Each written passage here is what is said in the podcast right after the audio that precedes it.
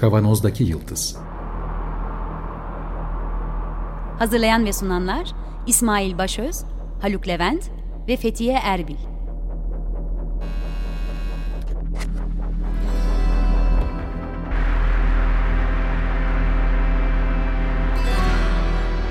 Bugünün penceresinden geleceğin ayak izleri. Merhabalar, Açık Radyo'dayız. 95.0 Kavanoz'daki Yıldız programında sizlerle beraberiz yeniden. Ben İsmail. Merhaba ben Haluk. Yapay zekalar üzerine konuşmaya devam ediyoruz. Takıldık kaldık bu aralar bu konuda. Geçtiğimiz haftalarda yine bir ilginç makaleyle karşılaştım. Ee, Haluk'ta da paylaştım. Şaşırdım başlığını okuyunca. Sonra da gerçekten bu konuda yazılan yazıların da benim şaşırmamı desteklediğini gördüm. Temmuz'un başında e, yayınlanmış bir makaleydi bu. Diyor ki yapay zeka model çöküşü diye başlamış. Sentetik eğitim verileri yapay zekayı bozuyor mu ya da nasıl bozuyor diye. Sentetik eğitim verileri ne? Yapay zekanın eğitimi ne? Bir hemen kısaca bir onlardan bahsedelim önce. Birçok insan artık bu işi biliyor. E, neyin nasıl e, çalıştığını e, öğrendi ya da öğreniyor birçok insan ama yine de çok kısa bir azıcık ABC'sinden bahsedelim. Bir yapay zekanın çalışması, eğitilmesi için ona birçok veri e, yüklenmesi gerekiyor ya da yeteri sayıda veri yüklenmesi gerekiyor. Ve oradan çıkardığı modellemeyle bir sonraki gelecekteki verileri ne diyeyim değerlendirebilme yeteneğine sahip oluyor ya da e, bu bahsettiğim e, yapay zekalar ki dar yapay zeka diye adlandırdığımız kısımda işte tıpta kullanabilen diyelim ki patolojide kullanabilen yapay zekayı e, daha önceden de bahsetmiştik. Patoloji, patolojide mikroskop altına yerleştirilen doku preparatları bir görsel halindedir artık ve bunları yükleyip insanların altını çizerek söylüyorum. Bu konudaki deneyimli insanların, doktorların ya da bu alanda, bu bilim alanında çalışan insanların tanılarıyla korele ederek eğitilmesi sağlanıyor. İnsanların o görsellere verdiği tanı, bunu tekrar tekrar söylüyorum çünkü bunun üzerinden yürüyeceğiz. Bilgisayar tarafından, yapay zeka tarafından veri olarak e, kullanılıyor. Sonraki görsellerde artık diyelim ki bin tane, diyelim ki beş bin tane, diyelim ki bir milyon tane görseli gördükten sonra o mikroskop altındaki görseli tanıyıp işte bu kanser hücresidir, bu enfeksiyon hücresidir ya da bu temizdir diye adlandırabiliyor. Son zamanlarda yaklaşık bir senedir artık herkesin hemen hemen herkesin duyduğu generatif yapay zekalar yani üretken yapay zeka, zekalar ilk ismini duyduğumuz ChatGPT idi. Bunlar da ona yüklenen verileri toplayıp belli kalıpları içerisinde bir araya getirerek gerekli verileri ayırarak ve bazı paternler kullanarak bir bütün metin oluşturmak, kimi zaman resim, görsel oluşturmak üzere eğitiliyorlar. Bu yeni yapay zekalar da elbette verilerle eğitildiler. Bu verileri insanlar yarattı daha önceden. 2023 yılının başına kadar bütün bu yapay zekalar insanlardan gelen verilerle. Nedir o? İsmail kalktı bugün işte Şişli'ye gitti.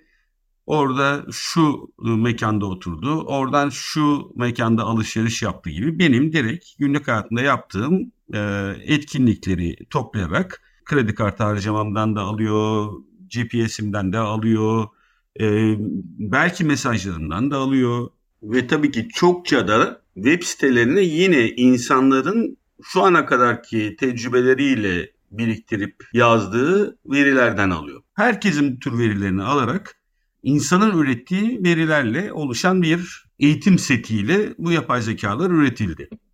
Çok büyük verileri bir araya getirdiler e, ve bunları hızlıca e, okuyabilmek ve algoritmayı e, sağlayabilmek için gerekli olan teknolojik gelişmelerde söz konusu oldu. Yani işlemci hızları arttı daha düşük, daha küçük boyutlu işlemcilerle çok daha hızlı, görece biraz daha düşük enerjiyle ama yine de yüksek enerjiyle çok büyük verilerin işlenmesi söz konusu oldu. Artık bu konuda o kadar e, yetenekli hale geldi ki bu yapay zekalar ki yapay zeka kirliliğinden bahsedilmeye başladı artık, başlandı artık. Birçok alanda birçok değişik konu başlığıyla yapay zeka e, üretimleri var. Ayrıca da ChatGPT gibi üretken yapay zeka diye bahsedilen e, yapay zekalar artık hayata e, yavaş yavaş giriyor. Tekrar ediyorum üretken yapay zeka kirliliğinden bile bahsedilmeye başlandı. İleride bunun da çok daha artacağını söyleniyor. Şimdi bu yapay zekaların veri işleme kapasitesi o kadar arttı ki eldeki verilerin hepsini tükettiler. Çok hızlı çünkü tüketiyorlar ve açlık durumu var. yani hadi besle beni şeklinde geliyor. Eğitilmesi için yapay zekaların, generatif yapay zekaların eğitilebilmesi için daha fazla veriye ihtiyaç var. Ve insandan gelen veri miktarı onlar için artık yeterli olmayınca biraz önce bahsettiğim sentetik veri lafıyla gündeme gelen ya da Türkçe'ye böyle çevirebilirsek başka yapay zekalar bu üretken yapay zekalar için veri yaratmaya başlamış. yani orada e, bir veri havuzu yaratıyorlar. Bu da bu da artificial veri aslında. Gerçek hayattan gelen değil ki generatif yapay zekaları üretilen yapay zekaları eğitebilsinler. Şimdi ben bunu okuyor okumaz şey oluştu kafamda. Ya e, yani bir, bir, burada bir loop oluşacak o zaman. Burada bir döngü oluşacak o zaman. Yani bu çok acayip ve birçok e, konuda e, güvenerek sorular sorulan, e, biraz da abartarak sorular sorulan yapay zeka kendi içinde dönüp duracak bu noktada diye aklıma geldi ve bunun üzerine biraz bakınmaya başladım. Evet tamam biz ikimiz de teknik olarak e, kodlayıcı, yazılımcı değiliz Haluk. Yani ikimiz de e, bu işin nedir e, masasındaki eksperler değiliz.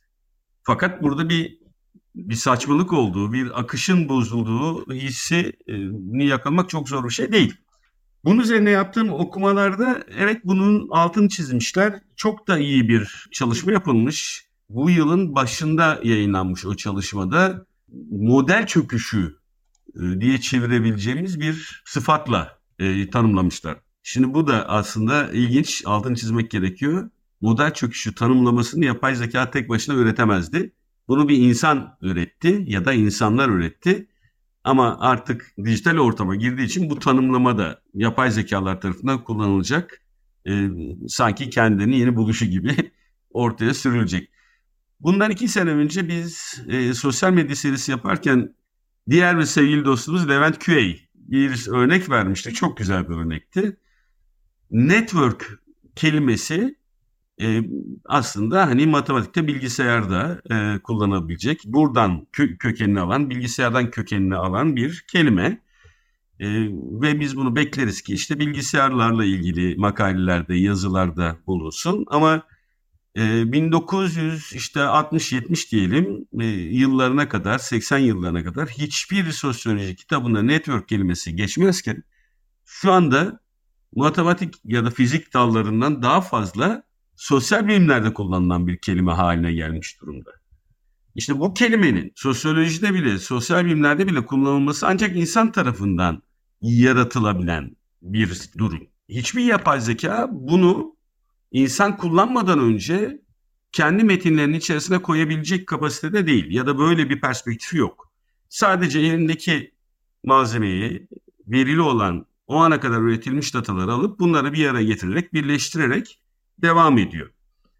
Bu durumda da bir insani yaratıcılığın olmadığından bahsettik biz de defalarca. Ee, bir insan gibi bir yaratım söz konusu değil.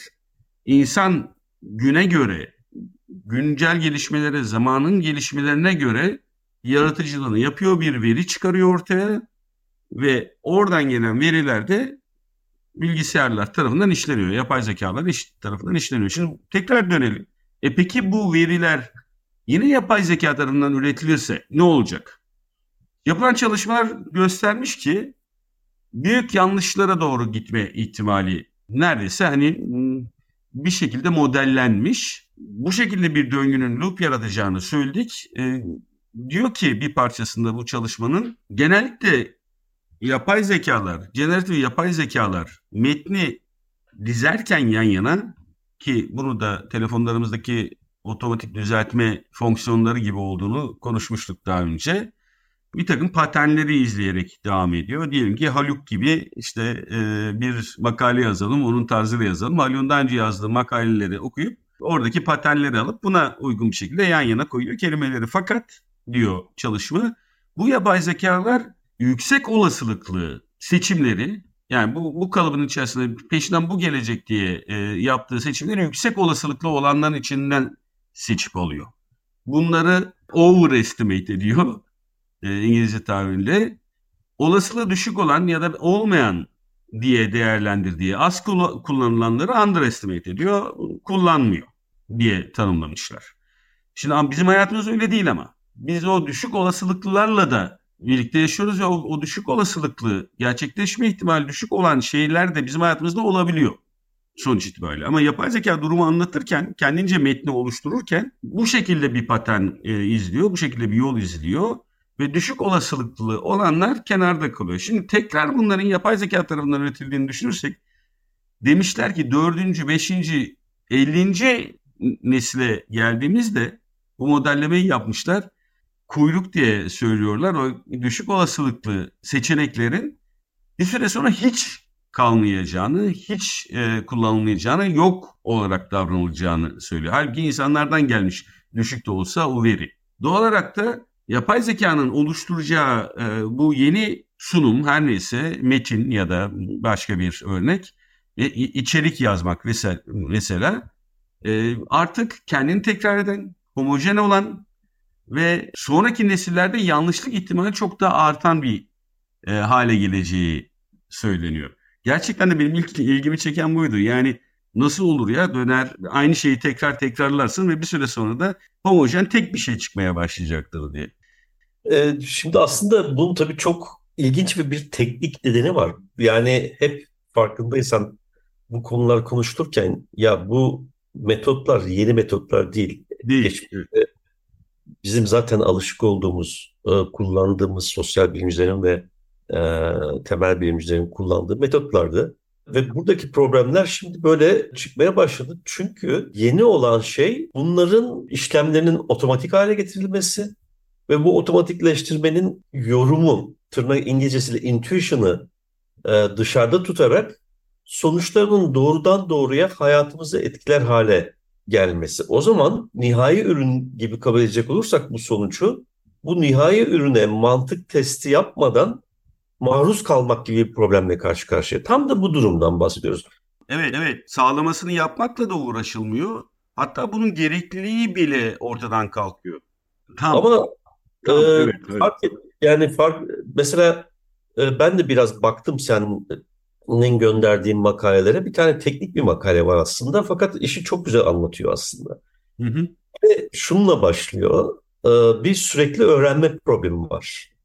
Yapıyor. Çünkü sonuç itibariyle internet ortamına salınıyor ya da herhangi bir e, e, veri derleme e, ortamına salınıyor bu yapay zeka. Yapay zeka dediğimiz sonuç itibariyle bir algoritmik e, yapı e, makine öğrenmesi üzerine dayalı büyük ölçüde. Bu e, ne kadar sofistike olursa olsun sonuç itibariyle bir veriyi toplaması gerekiyor, bu veriyi işlemesi gerekiyor ve bir sonuç elde etmesi gerekiyor. Şimdi burada birkaç tane noktada birkaç tane problem çıkıyor ve bunları farklı farklı adlandırıyorlar. Mesela katastrofik forgetting dedikleri bir kavram var. Yani felaketli unutma. Şimdi sürekli öğrenme söz konusu olduğunda bu algoritma bir başlangıç dağılımıyla hareket ediyor. Çünkü sonuç itibariyle 3 aşağı 5 yukarı Bayezyen istatistik temelinde yapıyor. Bayezyen istatistik de çok basitçe e, anlatmak gerekirse bir tane öncül dağılım vardır. Bu öncül dağılım gerçek şeyden e, toplanır. Ondan sonra model çalışır. Model bir e, posterior yerde ardıl bir dağılım yaratır ve bu ardıl dağılım işte çeşitli teknik e, istatistiksel tekniklerle e, bu bağıntı ya da kestirim artık ne yapılacaksa o gerçekleştirilir. Ama sonuçta hareket noktası bir öncül dağılımdır. Sonuçta da bir şeye varırız. Şimdi bu bizim sınırlı veri setimizde her ikisi de kontrol altında ve gerçek e, gözlemlerden kaynaklanıyor. E, özellikle öncül dağılım. E, sonra işte o training period dediğimiz oraya yeni gözlemler eklediğimizde e, yeni bir dağılıma e, ardıl dağılıma varırız ve o aradaki süreci analiz etmeye çalışırız.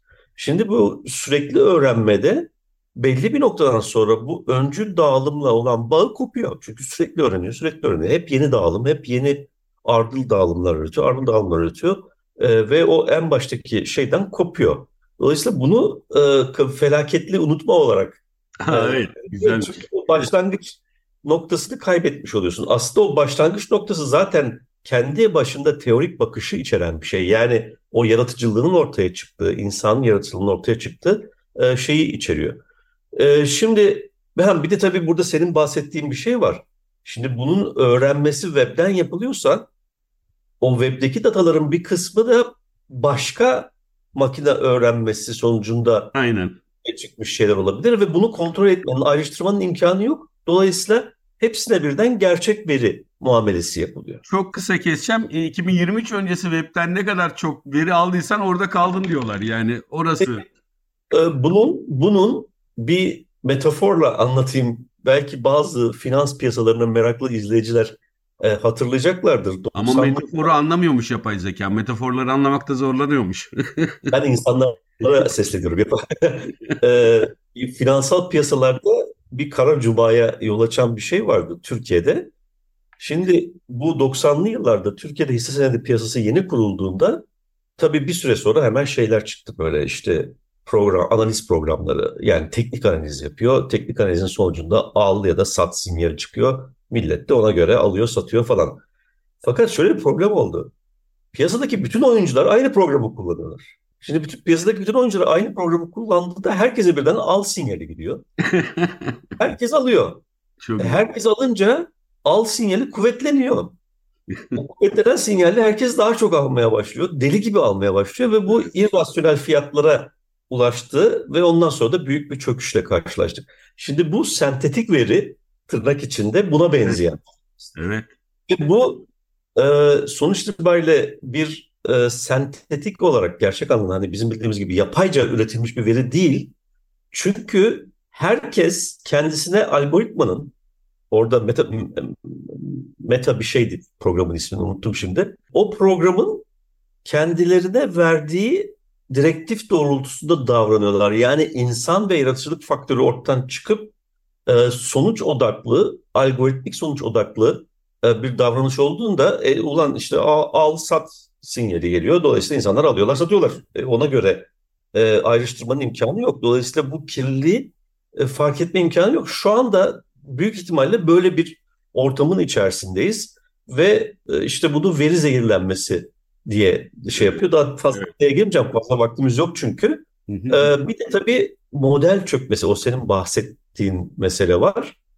Şimdi bu model çökmesini de e, bu bahsettiğim kirliliğin iki türlü temelde yani kabaca iki türlü dar böyle kalın çizgilerle iki türlü e, ortaya çıkması söz konusu. Bir tanesi erken model çökmesi diye adlandırılıyor. Bir tanesi de geç model çökmesi.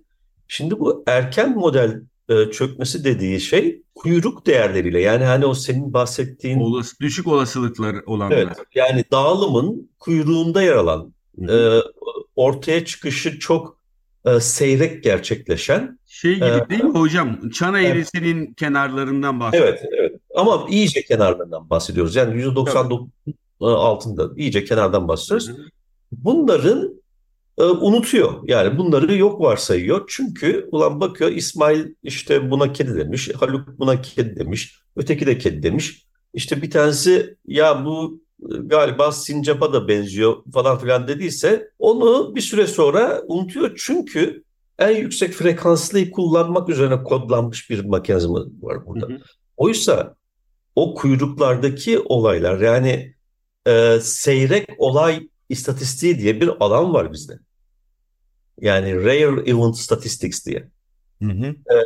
Ee, e, bütün polisiye e, karar süreci yani o hani fizikçilerin, evet. sosyal bilimcilerin şunun bunun falan kullandığı da aslında e, bu e, kuyruk değerlerin neden çıktığı, neden oluştuğu sorusu. Çünkü geri kalan ana eğilimi gösterir ama kuyruklar gelmekte olanı gösterir. Ya da gizli olanı. Ya da etkileyebilecek olanı kimi zaman.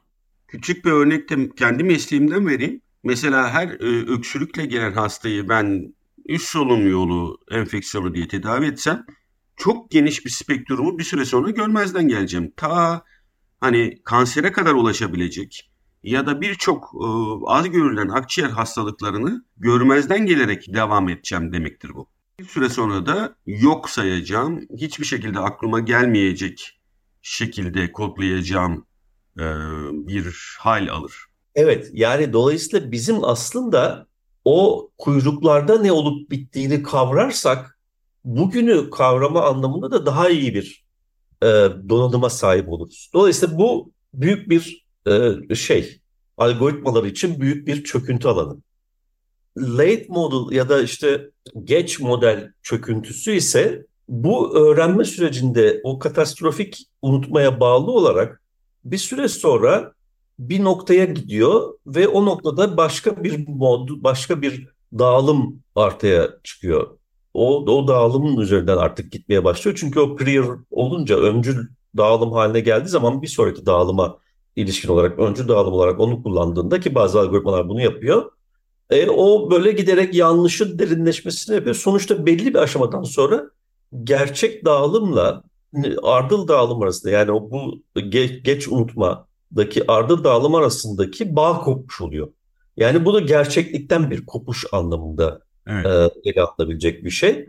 E, fakat tabii burada bizim için dehşetli olan mesele bunu biz expost olarak görebiliyoruz, e, analiz edebiliyoruz. Ne demek bu? Yani e, o iş olup bittikten sonra analiz etmek mümkün olabiliyor işte çeşitli kavramlarla falan filan. Ama bir kez daha altın çizip en başta söylediğim şey burada geçerli. E, bu sonuç itibariyle bir ağ çıktıya dönüşüyor. Bu çıktı da bizim eylemliliğimizi etkileyen ve belirleyen hatta etkilemekten öte belirleyen bir çıktı haline dönüşürse işte o zaman felaket ortaya çıkmaya başlıyor. O zaman işte o finansal piyasalarda pek çok insanın servet kaybetmesine neden olan e, duvara çarpma durumuyla karşılaşabiliyoruz. Dolayısıyla bu ciddi bir problem aslında. Evet. E, e, ve bir çözümü var mı bilmiyorum açıkçası. Ben bunu biraz da şeye benzetiyorum. Hani tamam yapay zeka biraz hayatımızdan henüz uzak, o kadar girmedi, o kadar belirlemiyor. E abi işte ne olacak ki diye bakabiliyoruz ama aslında benzerlerini de sosyal medyanın oluşturduğu kültürde de izleyebiliyoruz miktar bunu. Yani bu herkesin çok fazla birbirine benzemesi, herkesin çok fazla benzer kültürel alışkanlıklarla artık şekillenmesi e, yani küçük alanda değil çok daha büyük e, alanlardan bahsediyorum. Tek doğruların çok fazla gündeme çıkıyor olması e, bir yandan tartışma ortamı yaratmakla beraber bir yandan da bu şekillenmeyi de sağlıyor işte. Yani o kuyruklar e, bu az görülen düşük olasılıklı olan şeyler e, sosyal medya tarafından çok daha az değerlendiriliyor. Bu algoritmalar sayesinde aslında bir yandan da oluyor. İşte benim demek istediğim şey bu. Yani şimdi biz bunu time seriesinde de zaman serisi analizlerinde de görürüz. Tamam zaman serisi analizinde bir input vardır, bir girdi olur. Veriler girdi şeklinde. Bir kutu var. O kutunun içerisinde olup bittiğiyle ilgilenmeyiz. Geleneksel e, teori temelli ekonometrik yaklaşımların aksine e, çıktığıyla ilgileniriz. Şimdi bunu biz yaptığımız zaman problem değil yani. E, evet. Ben böyle bir böyle bir kestirim yaptım. E, oldu, olmadı. E, Biraz dalga geçerler, geçer gideriz. E, finans piyasalarında yaptığı zaman yine problem değil. Çünkü finans piyasalarında ne olur? Para kaybedersin, para kazanırsın. Yani servet transferi gerçekleşir. O da o kadar değil. Ama bu senin bahsettiğin problem. Yani bizim günlük hayatımıza dair çıktıların bu derece kontrolsüz bir şekilde egemen olması aslında bireyleri aynalaştırıyor ve e, tek tip bir toplum yani renkliliklerin ortadan kalktığı tek tip bir e, toplumun ve e, sınırlı sayıda normun egemen olmasına neden oluyor. Bu çok yıkıcı bir toplumsal sonuç. Esas buna karşı mücadele etmemiz evet, lazım. Benim esasında bu konunun bu kadar ilgimi çekmesi sebebi buydu. Belki önümüzdeki haftalarda daha derin konuşacağımız mevzu üzerinden e, insanların ki daha önceki haftalarda da konuştuk insanların doğru kabul ettikleri gerçek kabul ettikleri şeyi belirliyor. Yani şöyle düşünelim biraz daha abartalım çok kuvvetli olabilir ve herkes çok büyük bir çoğunluk aşıya karşı çıkmaya başlayabilir. Ölümcül sonuçlara gideceğini söyleyebileceğimiz durumlar ortaya çıkabilir e, gerçekten. E, hep beraber birçok insanın inanması o olayı gerçek yapıyor. Yani bu böyle bir durum olduğunu da biliyoruz. E, bu açıdan benim çok ilgimi çekmişti. Yapay zekada bu ne dedik? Baştakini bir daha söyleyelim. E, yeni eğitilen e, üretken yapay zekaların verilerinin yine başka makinelerde, e, öğrenen makinelerle ya da üretken makinelerle oluşturulması yani sentetik verilerle gitmesi o küçük farklılıkları ortadan kaldıracağı için kendi içinde bir kısır döngü aynı şeyin tekrarı. Ayrıca da güvenilirlik problemini de yaratacaktır zaten. Yani bir süre sonra onun söylediğine de güven konusunda da büyük e, sıkıntı yaşayacağız ki hayatı kolaylaştırdığını düşünürken. Son bir cümle daha yapıp program süremiz oldu. E, esasında bu illa sentetik veri olması da gerekmez. Gerçek verilerde çünkü bu model çöküntüsünü yaratan e, daha derin bir problem var. Teknik bir problem var.